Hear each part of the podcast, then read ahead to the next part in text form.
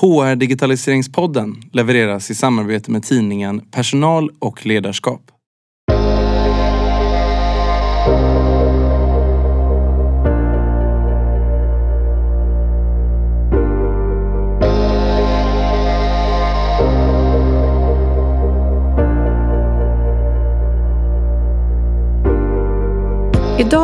Det dags för både ett kundcase och en lösningsleverantör i ett gemensamt avsnitt. Jag har länge haft samtal med Aino Health eftersom de har funnits på min lista för lösningar jag gärna vill presentera för er lyssnare. Aino Health har utvecklat en plattform för att hjälpa företag och organisationer med att minska sjukfrånvaron.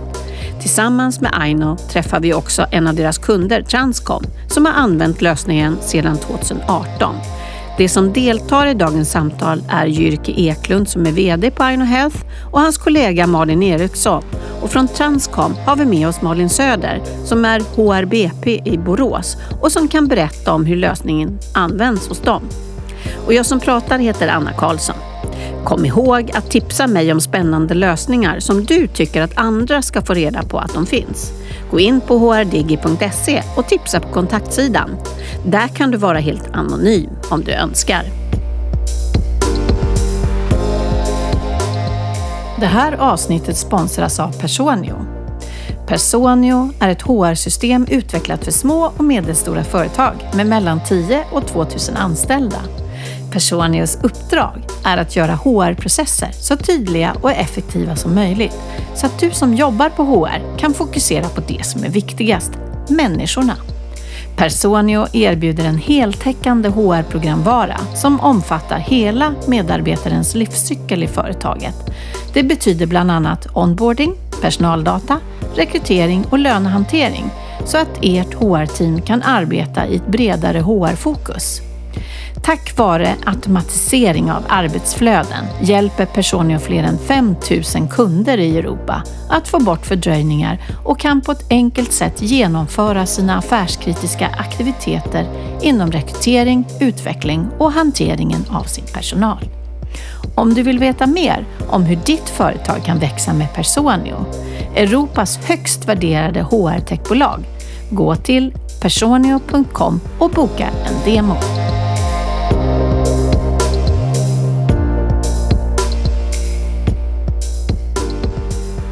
Välkomna hit till HR Digitaliseringspodden. Idag så har jag hela tre gäster, vilket inte är som vanligt. Och vi ska prata om något som ni som brukar lyssna ligger mig väldigt varmt om hjärtat. Och det handlar om att eh, förebygga ohälsa. Och eh, idag pratar vi då med Aino Health och Transcom. Och jag tänkte ni skulle få börja med att presentera er. Det vi har lite komplext här är att vi har två Malin. Så vi börjar med Malin på Transcom. Ja, eh, ja men Malin Söder heter jag. Har jobbat på Transcom i 15 år, nej, ja, nästan 16 nu. Eh, och sitter nu som eh, HR Business Partner.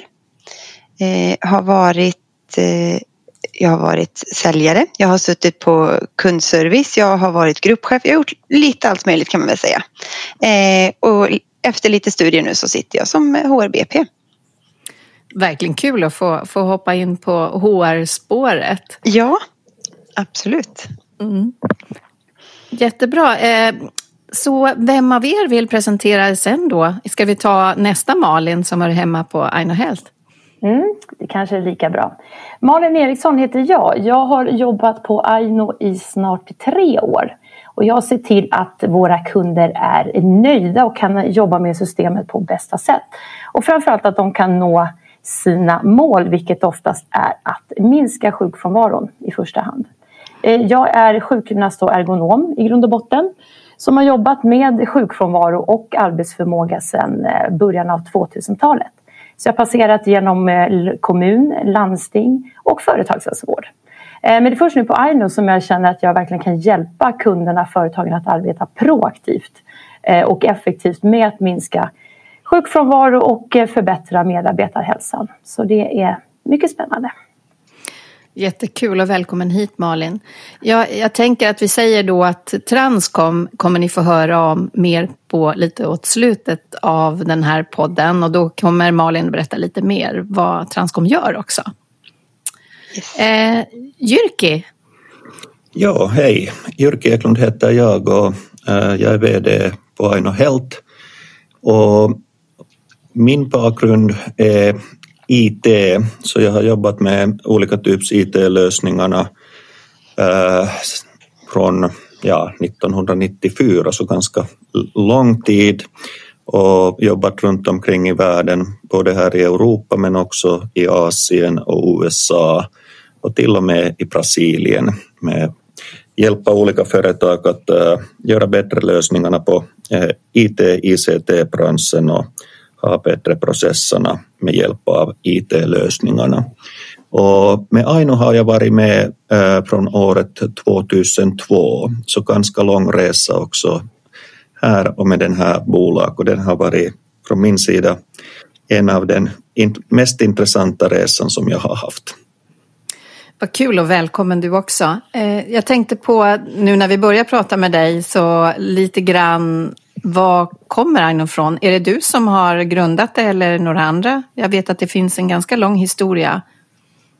Ja, jag är faktiskt grundaren. Som sagt så Aino, eh, Aino har grundats eh, 1994 och ursprungligen skulle man säga att eh, vi kommer ut från Försvarsmakten och 1994 så var Försvarsmakten blev intresserad att hur kan de stöta sina medarbetarna eh, i tid, alltså vad jag menar med den här att eh, om människorna blir sjuka eller de har större utmaningar med sin hälsa eller välmående, så hur kan man reagera före människorna måste använda till exempel företagshälsovårdstjänsterna eller Eh, hälsoförsäkringsbolagstjänsterna.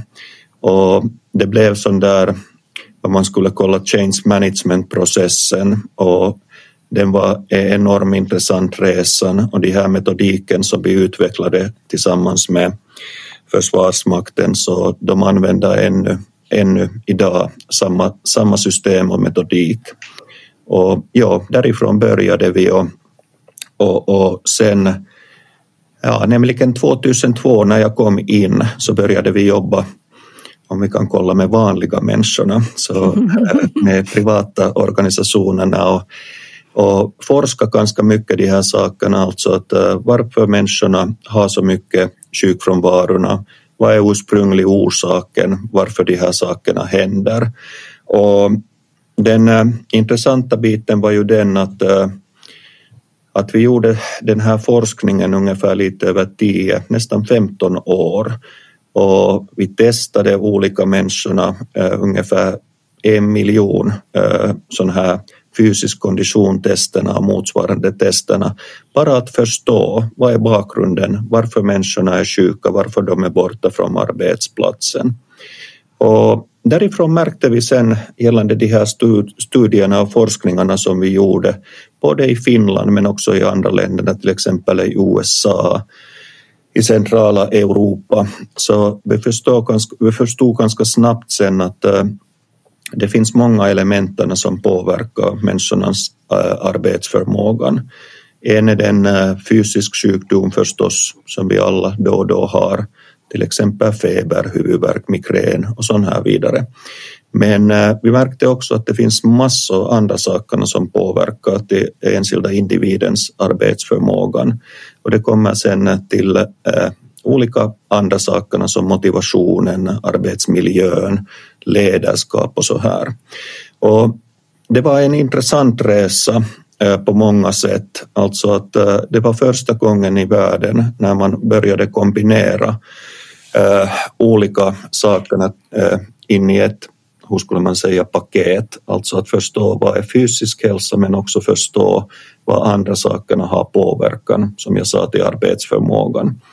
Och därifrån började vi sen och eh, vi märkte att eh, en av de största sakerna är att eh, många organisationerna och enskilda cheferna behöver ganska mycket stöd att eh, hantera med sådana här sakerna. Och då började vi jag har kollat den här industrial, industrial, industrialisera den här processen och digitalisera den här processen och, och ursprungligen meningen var ju att sätta enskilda individen mitten i processen och se från olika håll att hur kan man stöta den här enskilda individen och säkerställa den här arbetsförmågan.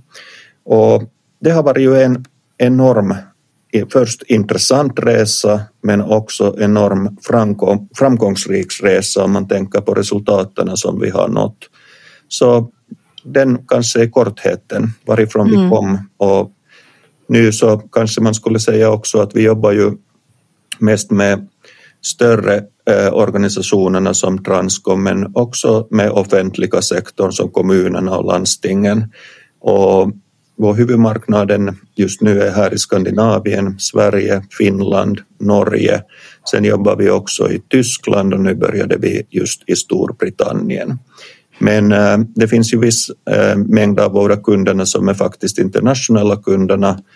Till exempel en flygbolag som vi har som en kund här i Finland så jobbar vi med olika, eller över 60 olika länder. Vad spännande. Hur är det med Försvarsmakten? Du säger att de använder det fortfarande idag.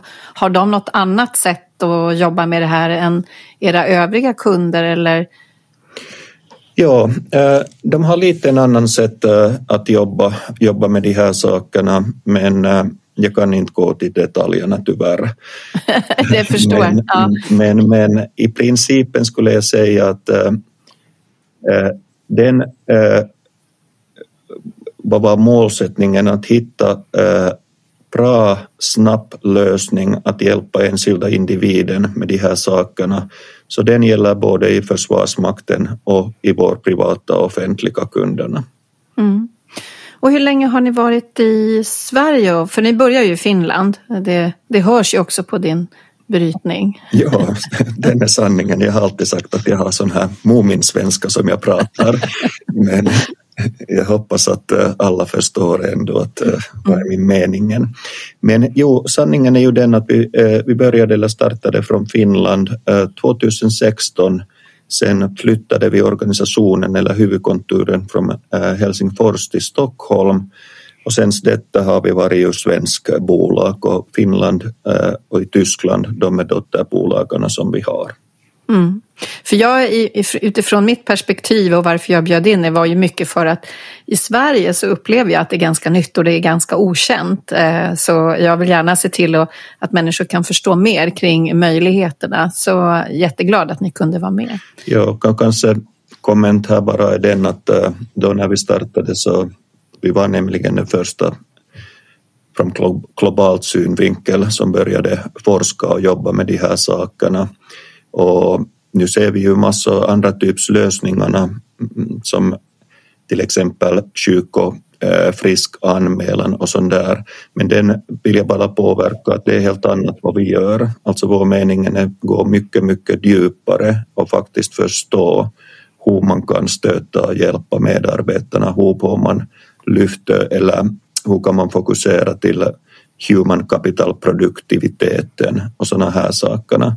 Alltså det finns ju kopplat ihop två sakerna om man tänker från strategiskt eh, perspektiv. Eh, enskilda människans eh, arbetsförmågan men sen också den andra sidan av mynten den gäller ju produktiviteten, den gäller, gäller konkurrenskraften, den gäller hur attraktiva bolaget är, alltså att hur stöter som de sina medarbetarna och så vidare. Alltså det finns också den här, hur skulle man säga, finansiella biten här i bakgrunden. Mm. Och precis, och det var det jag tänkte skulle prata lite vidare om. Hur ser det ut eh, kring, kring de här kostnaderna, sjukskrivningsnivåer och liknande? Och då tänkte jag Aino Malin kanske kan svara på den frågan. Mm. Då får vi först kanske dela upp det för det är ju både sjukskrivningar om man tänker så som det i varje fall har varit innan och i pandemin och just nu så är det ju sjukskrivningar när en person har varit borta mer än 14 dagar som Försäkringskassan kassan ersätter. Där är det lättare att ta ut statistik, statistik och se på vad det faktiskt kostar. Eh, och tittar vi på det så betalade Försäkringskassan ut förra året närmare 70 miljarder kronor för de olika ersättningarna som hör ihop med sjukskrivning, sjukfrånvaro över 14 dagar. Det är ju otroliga pengar. Ja, visst är det mycket pengar.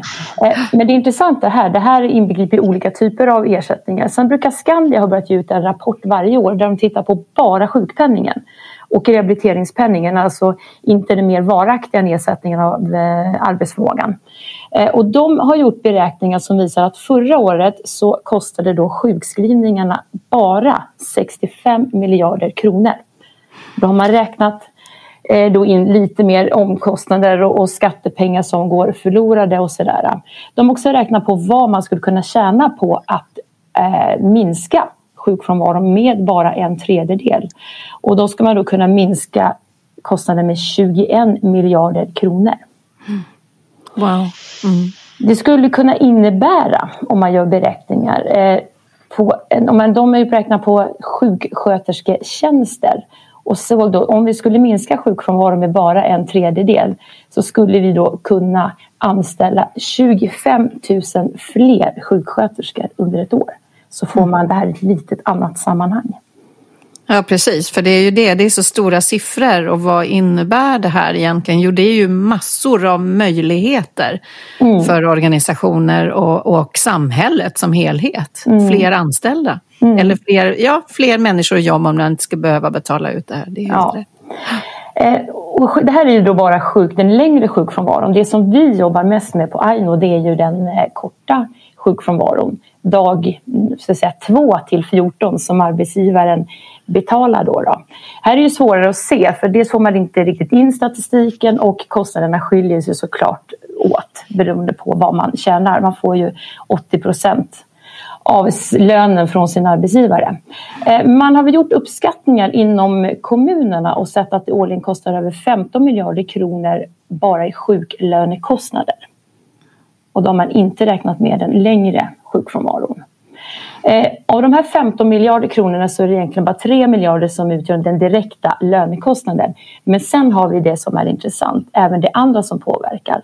Eh, produktionsbortfallet framför allt. För vad kostar det inte när en person inte är på jobbet? och inte kan utföra det jobbet som man faktiskt hade tänkt att göra. Eh, så småningom om en person är borta längre så kanske man tar in en vikarie och då jämnar det här ut sig när man får ersättning från Försäkringskassan, kanske lite mera. Men de här dagarna när man inte tar in en vikarie. Och utöver produktionsbortfallet så kostar det också i kollegors påverkan. Ökad belastning på kollegorna som faktiskt är kvar på arbetsplatsen. Eh, och ett lidande för den som är borta förstås. Mm. Jobbar man med kunder, kundrelationer, hur påverkas inte de om man som i Transcom jobbar mer i relation till kund? Eh, så varumärket, det finns så mycket mer än bara den direkta kostnaden i pengar, i kronor och ören. Malin, kan du ge något exempel på besparingar som man kan göra? Ja, vi har ett konkret exempel via ett projekt som vi precis har avslutat med Botkyrka kommun. Eh, där man fokuserade på arbetsmiljö och hälsa. Och eh, grundsyftet var att minska korttidssjukfrånvaron, alltså dag 1 till 14. Eh, under projektets första ett och ett halvt år så lyckades kommunen att minska antalet korttidssjukfrånvarodagar eh, med 7000, så de minskade 7000 dagar. Vilket innebar att de sparade 15 miljoner kronor. Wow. Och med relativt små åtgärder, helt adekvata förändringar så lyckades de spara 7000 dagar på ett och ett halvt år. Det är helt fantastiskt. Mm. Så jag hoppas att fler eh, lyssnar på det här och, och börjar göra någonting. Och sen finns väl även den här eh, eh den här när man är på jobbet fast man är sjuk närvaro. Har ni tittat någonting på den också? Nu ställer jag en fråga vi inte har förberett här. Ja, precis. Då ville Jyrki säga någonting. Ja, jag skulle säga att uh, den är också en viktig fråga och, en, en väldigt intressant fråga. Alltså att uh, man är på arbetsplatsen man, men arbetsförmågan är inte, uh, hur skulle man säga, så bra som den borde vara. Och de här forskningarna har ju gjort massor, till exempel i USA, var man får inte så mycket betalt om man är borta eller om man är sjukskriven. Och därifrån har det kommit upp eh, det här som man pratar om eh, presentism. Och den, eh, alltså i sammanhang med sjukfrånvaron så den är nästan lika stor om man räknar från finansiella synvinkeln. Och därför de här båda sakerna är väldigt viktigt och därför sa jag just den att om vi bara tar in eh, sjukanmälan eller friskanmälan. Det hjälper inte så mycket att förstå hela mönster, mönstret. Det är viktigt också att äh, kunna ha möjligheten att stöta de här människorna och se att äh, om de är på arbetsplatsen men arbetsförmågan är inte äh, i rätt, hur skulle man säga, höjd. Så den är också sådana sakerna var man måste reagera och därför är det ju viktigt eh, om man tänker chefernas dagliga arbete, alltså de är inte vanligtvis eller många är inte väldigt van vid att vad kan man göra? Och hur borde man jobba mot de här sakerna. Men därför är det viktigt att eh, man stöter de här cheferna med olika typs just processerna och verktyg. Och sen förstås eh, i slutet av dagen ju HR avdelningarna, HR-specialisterna har en stor eh, också påverkan att hur de kan sen se vilka cheferna klarar inte de här sakerna och kan sen stöta dem och hjälpa dem att slippa framåt. Och innan vi kommer in lite mer på hur ni då eh, med er lösning kan förebygga och jobba eh, med det proaktiva.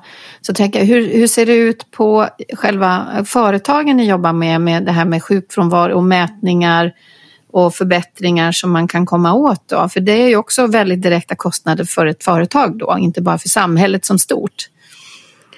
Ja, de där kostnaderna, om jag börjar med dem så eh, vi ser ju vanligtvis eh, att vi kan eh, sjunka hälsorelaterade kostnaderna inom det första året mellan 25 till 65 procent.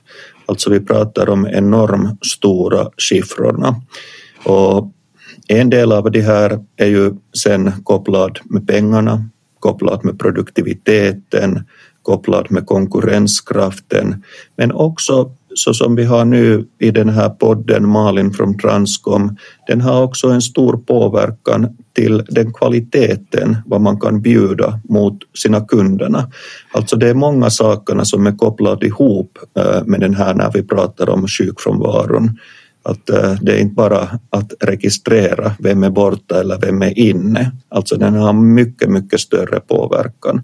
Och den, om man tänker från eh, finansiella perspektiv så Eh, flera företag jobbar ju globalt, eh, eh, globalt och sen frågan är ju den att om till exempel de här sjukfrånvarosiffrorna är väldigt höga så frågan kommer ju att kan vi jobba mera i Sverige eller borde vi flytta vår verksamhet till någon annan land?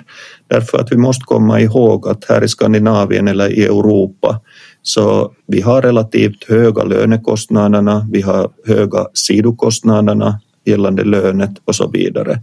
Så den är också den man kanske inte pratar så väldigt mycket om, men som jag själv tycker är väldigt viktigt att man borde lyfta också de här sakerna upp.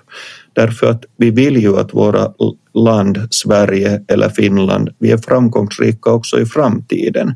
Och den här vad vi pratar just nu om, den har ganska stor påverkan på den här biten. Ja, för om man flyttar då sin verksamhet till något annat land med andra typer av både lönekostnader och eh, hur man eh, betalar för, vid sjukfrånvaro, då, då kan man på något sätt rationalisera bort det istället för att gå på kärnproblemet och lösa det och vara kvar i sitt land. Jätteintressant tycker jag. Den har jag inte tänkt på själv faktiskt. Mm. Hur ser det ut med med sjukfrånvaro då på olika typer av organisationer i Sverige. Hur, vad är procentsatserna på, har ni några exempel? Man kan ju säga att eh, om man pratar riktigt rakt hotande så sjukfrånvaron är ju, de är ju ganska hö, i hög nivån. Att om man tänker statistiken, till exempel eh, SKR publicerar ju ett gång i året eh, vad är nuläget i eh, den offentliga sektorn? Och sen eh, vi har ju enormt bra statistik från privata sektorn så man kan ju säga att eh, siffrorna är väldigt höga. Och vad menar jag den att om jag gör den här konkretisk? Så gällande vår forskning så såg vi att i sån här, hur skulle man säga, white collar Eh, organisationerna så sjukfrånvaron borde vara ungefär eh, en procent eh, vilket betyder att människorna är borta gällande psykisk ohälsan ungefär 2,5-3 dagar årligen.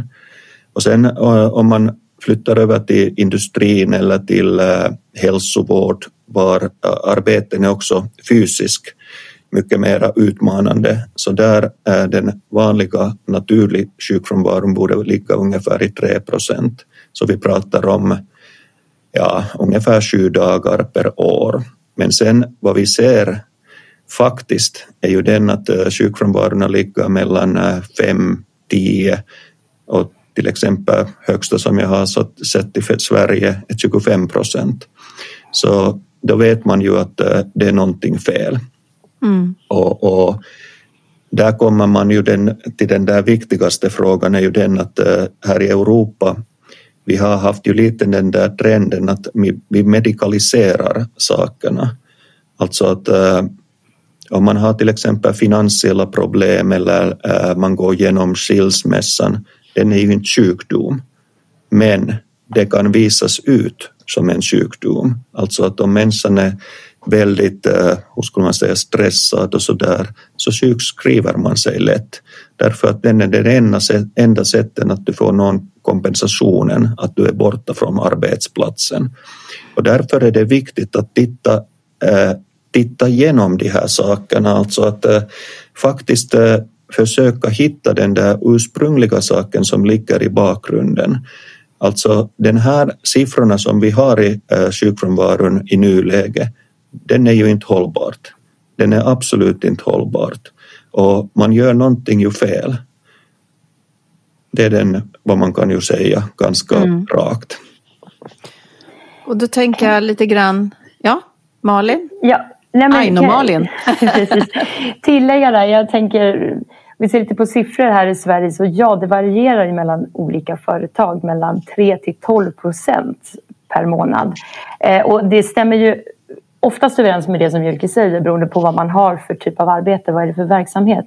Men vi ser ju också att det är verksamheter som kanske jobbar mer på plats eh, så, eh, som ändå har en hög sjukfrånvaro likväl som vi ser att det är företag, lokalvårdare som har en väldigt låg sjukfrånvaro. Och det är också det, det är så väldigt mycket som påverkar eh, sjukfrånvaron. Och vi har ju sett nu under pandemin, och det kommer bli intressant att fortsätta följa, att många företag och många av våra kunder där man kan jobba hemifrån, de har ju verkligen minskat sin sjukfrånvaro. Eh, Medan då kunder, de flesta av dem som behöver vara ute på plats och möta olika människor och framförallt stanna hemma när de har förkylningssymptom, har ju ökat sin sjukfrånvaro. Mm. Men vad är det, hur kan man då, för innan vi kommer in på egentligen er praktiska applicering, men vad kan man göra? Vad har ni sett i forskningen kring hur man kan jobba eh, smart för att, motverka ohälsa eller sjukfrånvaro helt enkelt? Jag tror att eh, den viktigaste är ju den att eh, om man ser att sakerna går inte i rätt direktionen så måste man ju reagera genast. Och den här är en utmaning i många, organisationer att man reagerar Eh, för långsamt eller man väntar att sakerna går till bättre direktionen. Men sanningen är ju den att eh, man måste börja jobba mot de här sakerna så snabbt som möjligt. Och sen, eh, jag tror att det är en sak som vi kanske kan höra lite mera från Malin från Transcom är ju också den att cheferna kanske inte alltid har de här kunskaperna att vad borde man göra? Hur kan man reagera? Vad kan man prata om? Hur kan man stöta enskilda individen? Och därför är det ju viktigt att man har en processstöd och i vår sätt digitaliserat stöd mot cheferna, att man kan, man kan säkerställa att de jobbar så som det är meningen mot de här sakerna. Och sen också att om någon chef till exempel inte klarar med de här sakerna så man märker den genast. Och den här snabbheten, eh, jag kollade den just in time typ eh, aktiviteterna, så den är viktigt. Och, och jag tror den att eh, det vi kommer att höra här lite senare mer att hur den fungerar. Jag tänker vi kanske ska låta Malin komma in här och berätta lite om hur ni har jobbat så kan vi komplettera efteråt med någonting som ni vill lägga till kring er plattform och lösning. Vad, vad tror ni om det? Så får Malin från Transcom komma in nu. Ja, eh, nej men vi har ju vi har jobbat med sjuken eller frisk närvaro eller hur man ska säga under hela tiden på Transcom såklart. Mm. Eh, men den blev väldigt mycket tydligare när vi fick Aino som verktyg i och med att den är digital. Vi kan se den på ett helt annat sätt. Eh, jag och mina kollegor kan också följa upp cheferna och precis som Jyrke säger hoppa in fortare och sätta, sätta, eh, ge stöd eh, till de, de cheferna som behöver det stödet. Ehm. Mm. Får jag, då tänker jag att vi kanske ska beskriva lite vad gör ni på Transcom och vilken typ av personal har ni som ni jobbar med? Ja men precis, vi jobbar ju med kundservice. Eh, så vi har en kund i Borås i dagsläget som vi jobbar för. Eh, eh, tar emot samtal, hjälper dem med fakturer, vi hjälper dem med ja, allt möjligt. Beställningar, om det är tekniska problem och så vidare. Så det är vad våra medarbetare egentligen sitter med varje dag. Mm. Och möter våran kunds kunder helt enkelt. Och hur många anställda och vilken typ, eh, typ av anställda har ni? För jag förstod att de är ganska unga. De är också tidigt ganska... i arbetslivet. Ja men precis. Det är väl mm. mer, den största delen är väl direkt efter skolan skulle jag säga. Mm. Eh, jag tror att snittet ligger någonstans på 23 och då är det väl eh, några av våra medarbetare som drar upp snittåldern, även jag numera drar upp snittåldern känner jag. Eh, men de är väldigt, väldigt unga. Eh, mellan 18 och 25 skulle jag säga att de flesta är. Eh, och kanske varit i skolan där man inte Ja, ibland kanske man inte tycker en lektion är så rolig och då skippar man den. Eh, och det mm. funkar inte riktigt här. Utan här måste man vara på plats och här måste man eh, eh, jobba och vara här och, och, bidra helt enkelt. Och hur fungerar relationen mellan eh, hur många, hur, hur sitter cheferna? Sitter de i samma lokal eller sitter man hemma och hur jobbar man? Hur stora är teamen? Ja men precis. Eh, vi har en gruppchef och sen är det ungefär 14 medarbetare per varje grupp. Eh, så totalt 18 eh, grupper om inte jag har räknat fel. Mm. Är vi. Så en gruppchef sköter sina 14 medarbetare med coachning, hälsosamtalen naturligtvis, rehabiliteringssamtalen och, och, och försöker hjälpa dem genom varje dag helt enkelt. Och hur fungerade det innan ni började med Aino? Hur såg det ut? Mm. Då var det mycket papper. Eh, då satt ju inte jag som HR och det är jag nog glad för tror jag för det eh, finns fortfarande i mina arkiv otroligt mycket papper. Eh, vi hade en process där det var två eh, frånvarotillfällen på tre månader då har man ett så kallat friskvårdssamtal och sen fyra tillfällen på sex månader då har man ett så kallat rehabiliteringssamtal för att liksom gå lite djupare in på varför är man borta, vad är det som händer eh, och liksom eh, försöka fånga upp det så tidigt som möjligt såklart. Och det kan vara allt från att man har otur och får influensan och sen får man eh, en förkylning ganska tätt inpå och förlorar rösten. Då är det svårt att jobba hos oss eh, om man inte sitter på admin. Eh, så det kan vara tillfälligheter men det kan också vara ett mönster att det alltid är eh, huvudvärk eller alltid magont och då behöver man gräva mer i det såklart. Eh, så mycket pappersarbete, supersvårt att hålla koll på skulle jag säga. Eh, och också se vilka gruppchefer som som inom situationstecken sköter sig och vilka som inte sköter sig.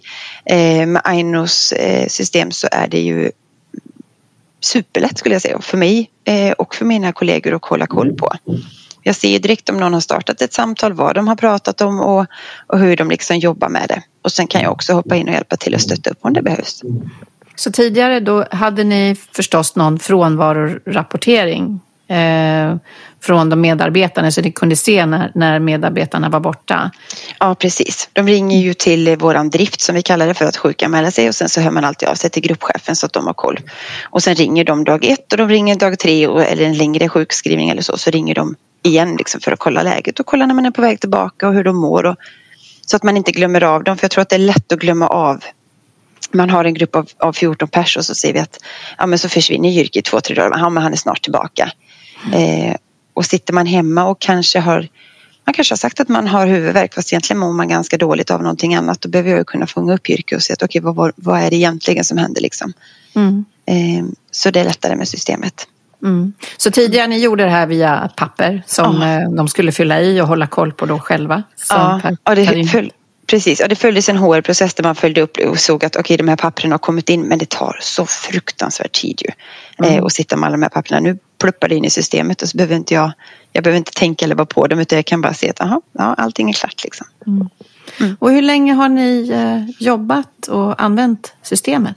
Mm, jättebra fråga. 2018 tror jag vi hoppade igång. Slutet 2018 med Aino. Och nickar precis. Det är ingen som hör det. nej, precis. Eh, nej, ja, 2018 någonstans, om det var sommaren tror jag det var. Mm. Så började vi lite smått med, med några projekt eh, och sen nu har vi det i hela Sverige. Och vad jag förstod så såg jag någon, någon pressrelease eh, kring att eh, både Sverige och Norge och nu även Nederländerna så kommer ni använda det. Mm. Mm. Intressant. Eh, jag funderar lite mer på hur det kom sig att man valde. Är det just för att man såg att det var processen är sådan att eh, sjukskrivningsnivåerna var höga? Vet du någonting om bakgrunden till varför man gick in i det här? Jag kanske ska fråga och Jag tror att det var ni som tog kontakt med Transcom. Ja, alltså, ja, eh, det, var, det var faktiskt Ja, man kan säga så där att eh, det var kanske lite utmaningarna gällande de här sjukfrånvarosiffror. Och, och, och, vi kollade sen närmare tillsammans med Transcom både i Sverige och i Norge. Mm. Alltså hur ser statistiken ut? Hur, hur ser den här hela mönstret ut? Och där märkte man ju ganska snabbt att äh, cheferna måste få en annan typ äh, en annan sätt att jobba med de här sakerna därför att eh, som Malin från Transcom sa att eh, det var ju ganska stressande process att eh, jobba med de här alla papperna och, och ha koll på att vad är det på gång, när har man slutat samtalet och så vidare. Och sen faktiskt började vi med eh, en sajt från Norge och en sajt eh, från Sverige och testade den här processen tillsammans med Transcom. Eh, lite, hur skulle man säga, fixade det här processinnehållet tillsammans med Transcom gällande statistiken som de hade och sen började vi och det har varit ju en väldigt fin resa, åtminstone som jag ser den ut med Transcom, alltså att alla har varit väldigt motiverade att jobba med de här sakerna och det har gått framåt enormt fint. Mm. Och var befann du dig då sa du, eh, Transcom Malin? Eh, var, du, var, var, du på HR då? När det här på, eller var du var ju kvar ute i verksamheten? Som... Ja, precis. Jag var, från början var jag gruppchef eh, och eh, petade in mitt team så att säga i Aino och var med i hela processen. Eh, och sen blev jag chef över gruppcheferna eh, och fick se lite större liksom hur det såg ut för alla grupper och kunde jobba på det på så vis. Eh, och sen förflyttades jag över till, till HR då. Mm. När mina kunder försvann. Mm. Så blev jag HR istället. och såg du själv personligen hur det, hur det påverkades arbetet om hur sjukfrånvaro om, det, om ni kunde verkligen se någon effekt? Ja, alltså det tog ju lite tid just för att nöta in det hos TLs hur det fungerar. Man är också en ganska vanlig människa. Han kanske mm. tyckte om sina papper och tyckte om att komma undan lite eh, och inte behöva fylla i så mycket och så vidare. Så det tog en stund att nöta in det här, absolut.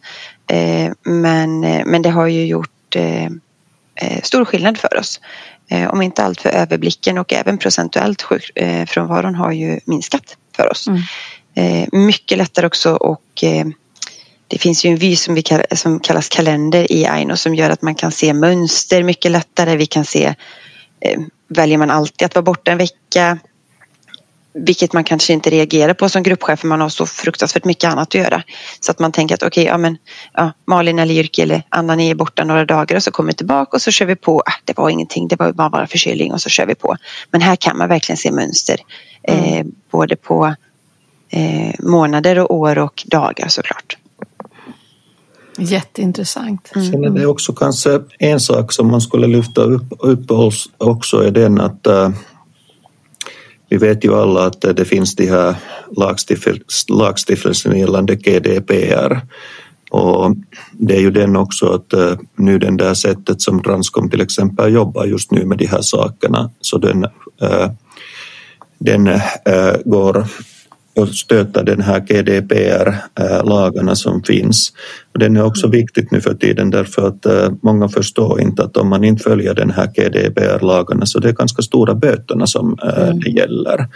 Och det har varit lite otroligt att se runt omkring Europa att eh, till och med väldigt stora organisationerna så de faktiskt använder ännu Excel eller någon typs andra lösningarna och sanningen är ju den att den kommer inte att gå igenom om man granskar den från GDPRs synvinkel.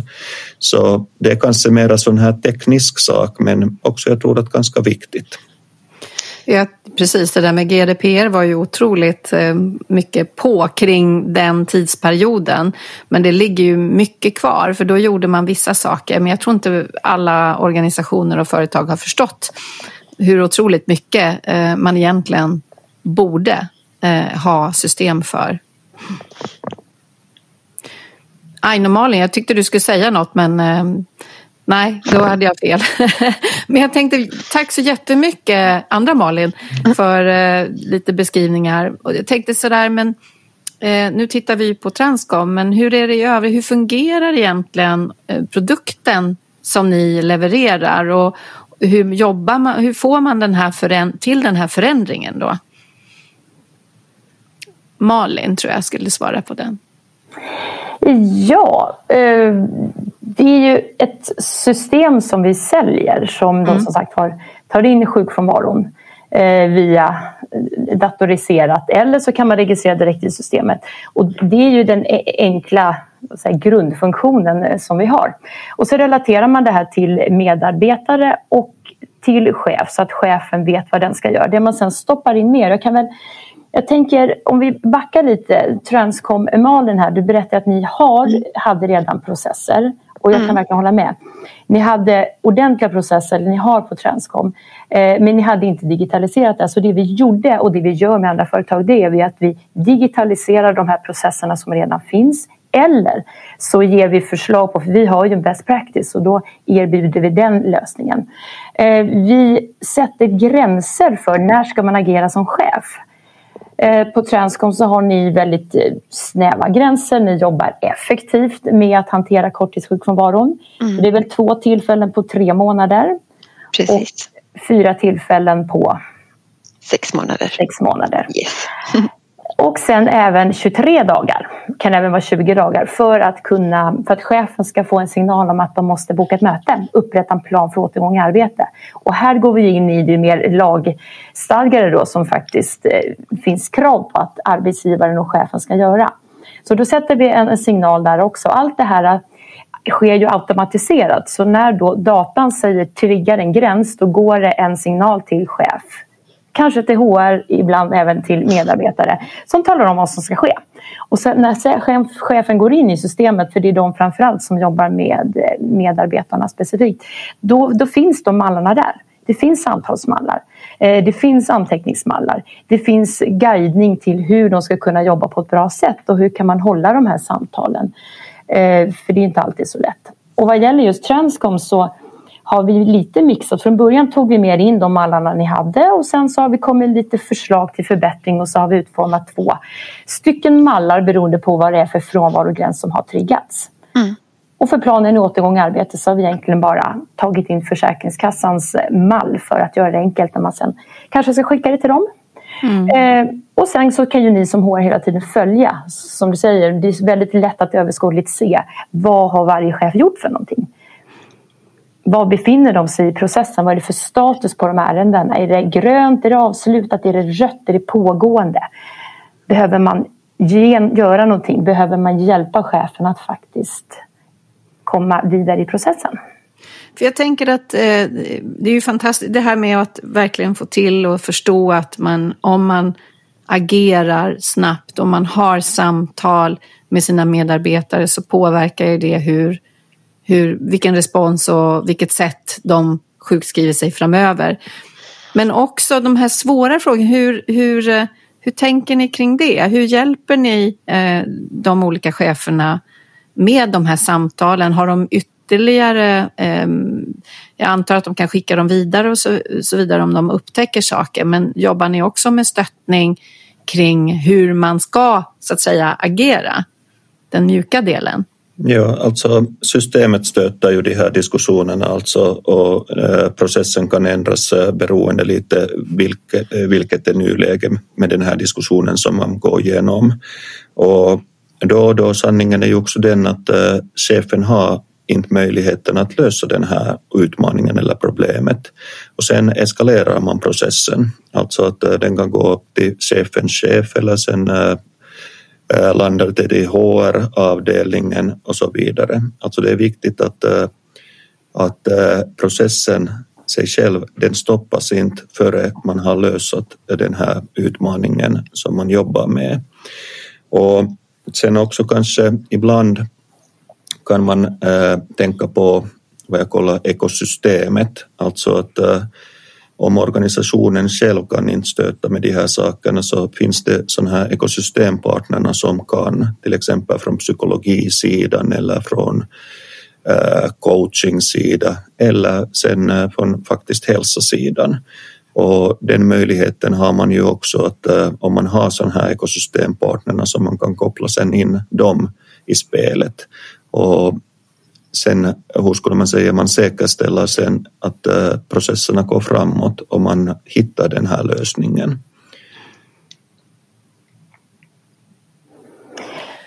Kan vi säga en sak här också? Vi lägger ju stor vikt vid att utbilda cheferna.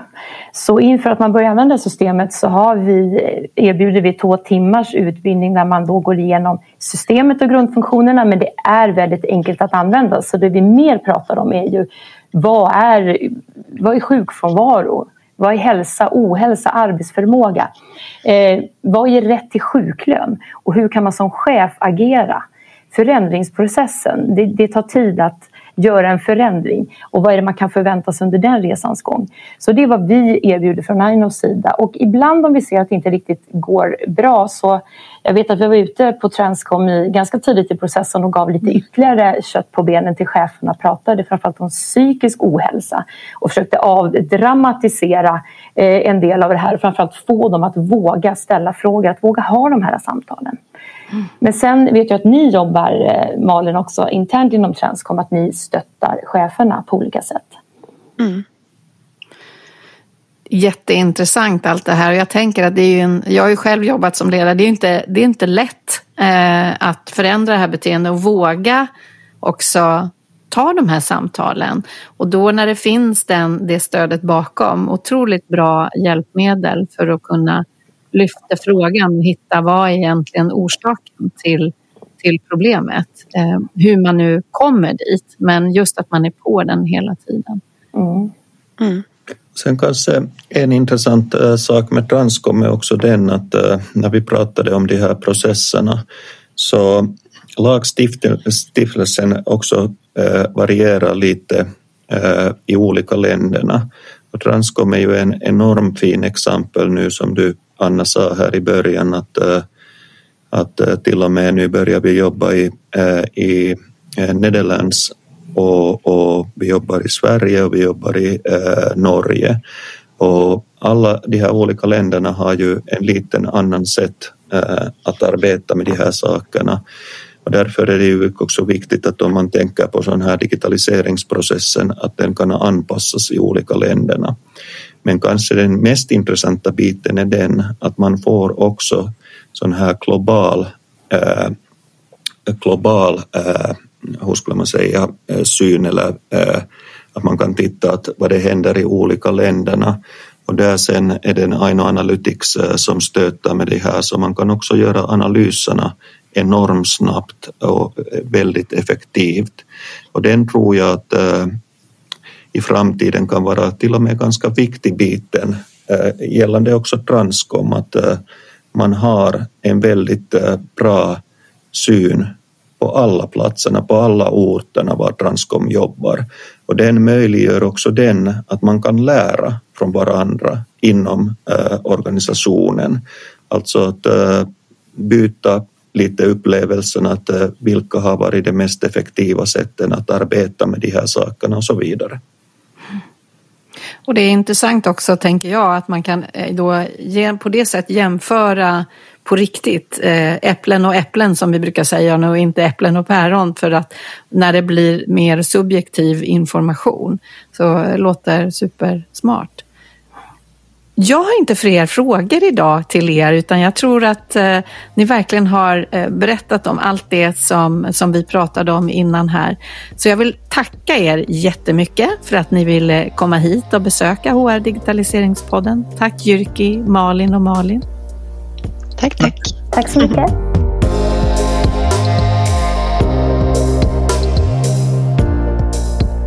Tack för att just du har lyssnat.